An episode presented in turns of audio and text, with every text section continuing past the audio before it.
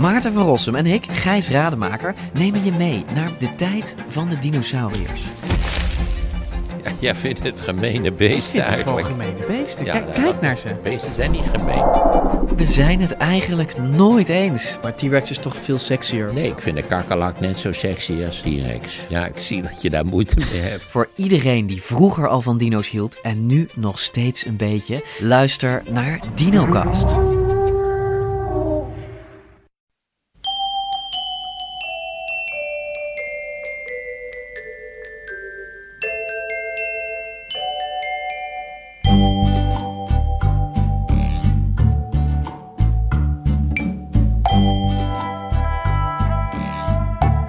Welkom bij aflevering 328 van Echt Gebeurd. De podcast waarin mensen hun eigen waargebeurde verhalen vertellen, maar waarin af en toe ook iemand voorleest uit het dagboek dat hij of zij bijhield als puber.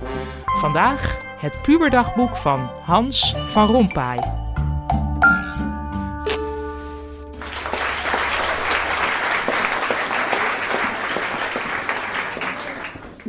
Goedemiddag.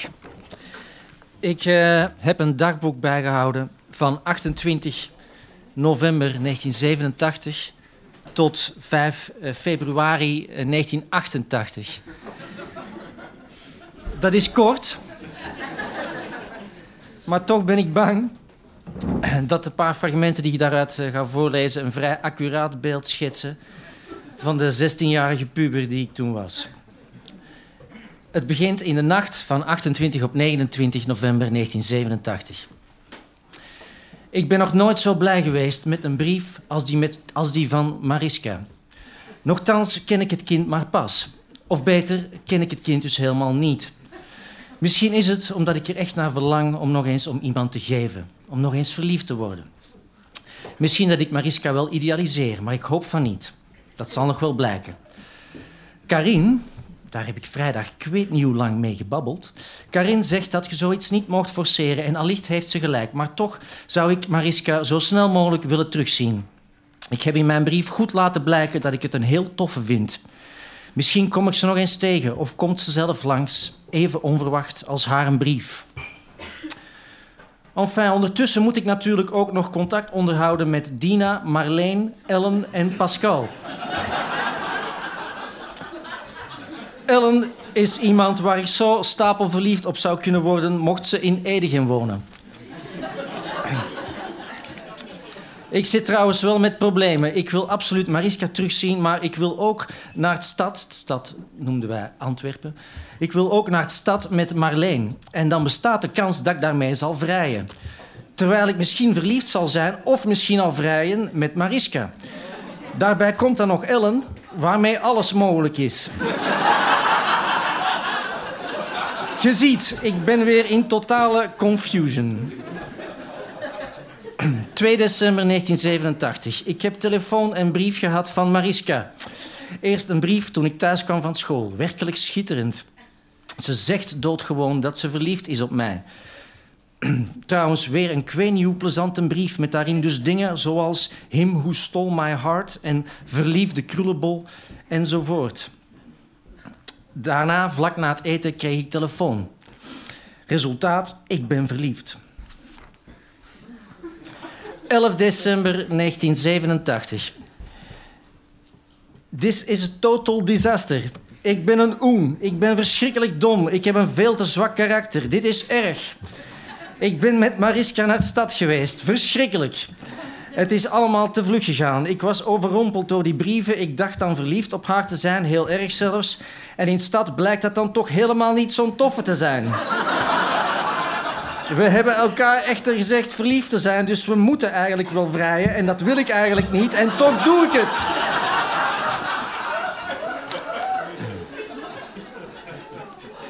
...13 december 1987. Alles is opgelost. Ik schrijf het nu pas op, want dat ben ik in alle drukte vergeten gisteren. Even chronologisch de feiten op een rij. Tijdens het middageten belt Mariska op en er ontwikkelt zich het volgende gesprek. Mariska, hallo Hans. Hans, hoi. Mariska, kun jij studeren? Ik kan gewoon niet studeren. Hans, ik ben aan het eten. Mariska, oh, dan moet je misschien verder gaan eten? Hans, ja, oké. Mariska, uh, ja, dag hè. Teleurgesteld. Hans, ja, tot nog eens. Als dat geen schoolvoorbeeld is van een afhoudend gesprek. 15 december 1987. Ik heb nog eens goed gesproken met Karin op de fiets en die had Sigrid gebeld. Die moest alles tot in de details weten omdat Mariska super depri is en het ook niet goed begreep. Karin speelt de laatste tijd een erg grote rol in mijn leven. In zoverre zelfs dat ik me een paar dagen geleden al eens afvroeg hoe het kwam dat ik er niet verliefd op werd. Wel nu, ik vrees dat het zover is. Ik denk. ik denk aan niemand anders meer. Ik fantaseer er maar op los.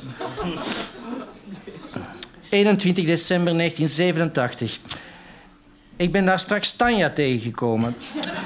Toen ik haar vertelde dat ik Marleen nog een brief had geschreven, keek ze heel verbaasd. Dan had ik misschien toch een verkeerd adres. We zullen dat spoedig weten, want Tanja zal de groeten doen aan Marleen en dus waarschijnlijk ook zeggen dat ik geschreven heb en misschien zal zij dan reageren. 23 december 1987. Reunie gehad met de scouts. Ik heb wat geknuffeld met Ellen, maar niet gevreden of zo hoor. Dat had ik misschien wel gewillen, maar we kwamen niet in de goede situatie. En zo is het maar bij knuffelen en lachen gebleven. 6 januari 1988.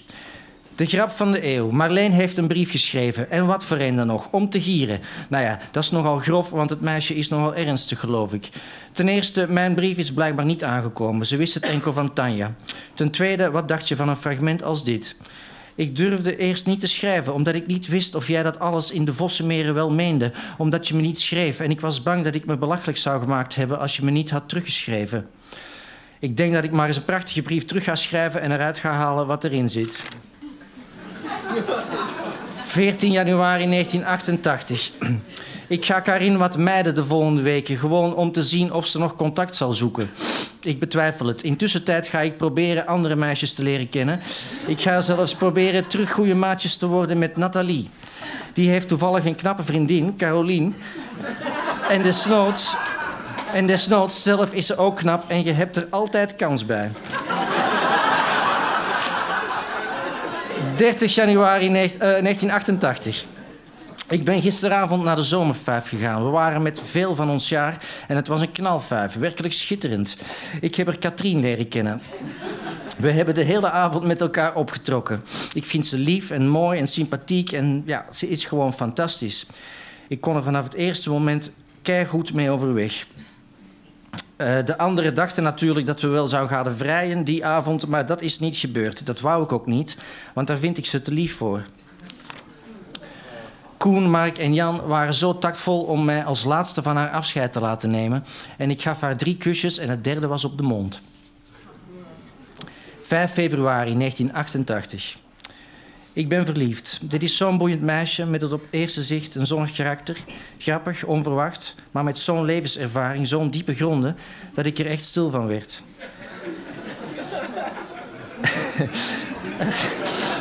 ja.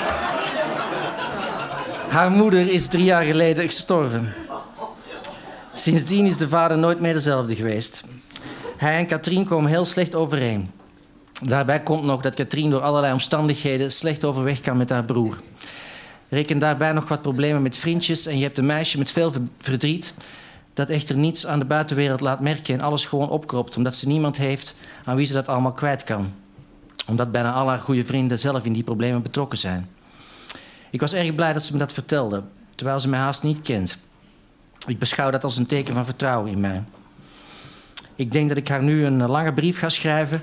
Eentje die ik, denk ik, haar niet zo snel zal laten lezen. Dank u wel.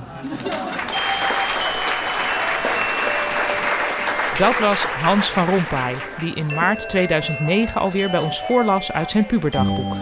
Hans schrijft romans en verhalen onder het pseudoniem Ivo Victoria. Zijn laatste roman is getiteld Alles is oké. Heb jij als puber ook een dagboek bijgehouden en durf je het aan om daaruit voor te lezen tijdens een Echt Gebeurd middag in Comedy Club Toemler? Laat dat ons dan weten via www.echtgebeurd.net. En we zijn ook altijd op zoek naar vertellers van waar gebeurde verhalen, bijvoorbeeld voor de edities van 19 december. Het thema is dan ouders. 16 januari, dan is het thema gevaar. 20 februari, dan doen we de liefde. En 20 maart, dan gaan we te water. Heb je een goed verhaal bij een van die thema's, dan horen wij dat graag. De redactie van Echt Gebeurd bestaat uit Micha Wertheim, Rosa van Toledo, Maarten Westerveen en mijzelf, Paulien Cornelissen. De productie doet Eva Zwaving, zaaltechniek was in handen van Nicolaas Vrijman en de podcast wordt zoals altijd gemaakt door Gijsbert van der Wal. Dit was aflevering 328. Tot volgende week en denk erom, ook een kort dagboek kan een accuraat beeld schetsen.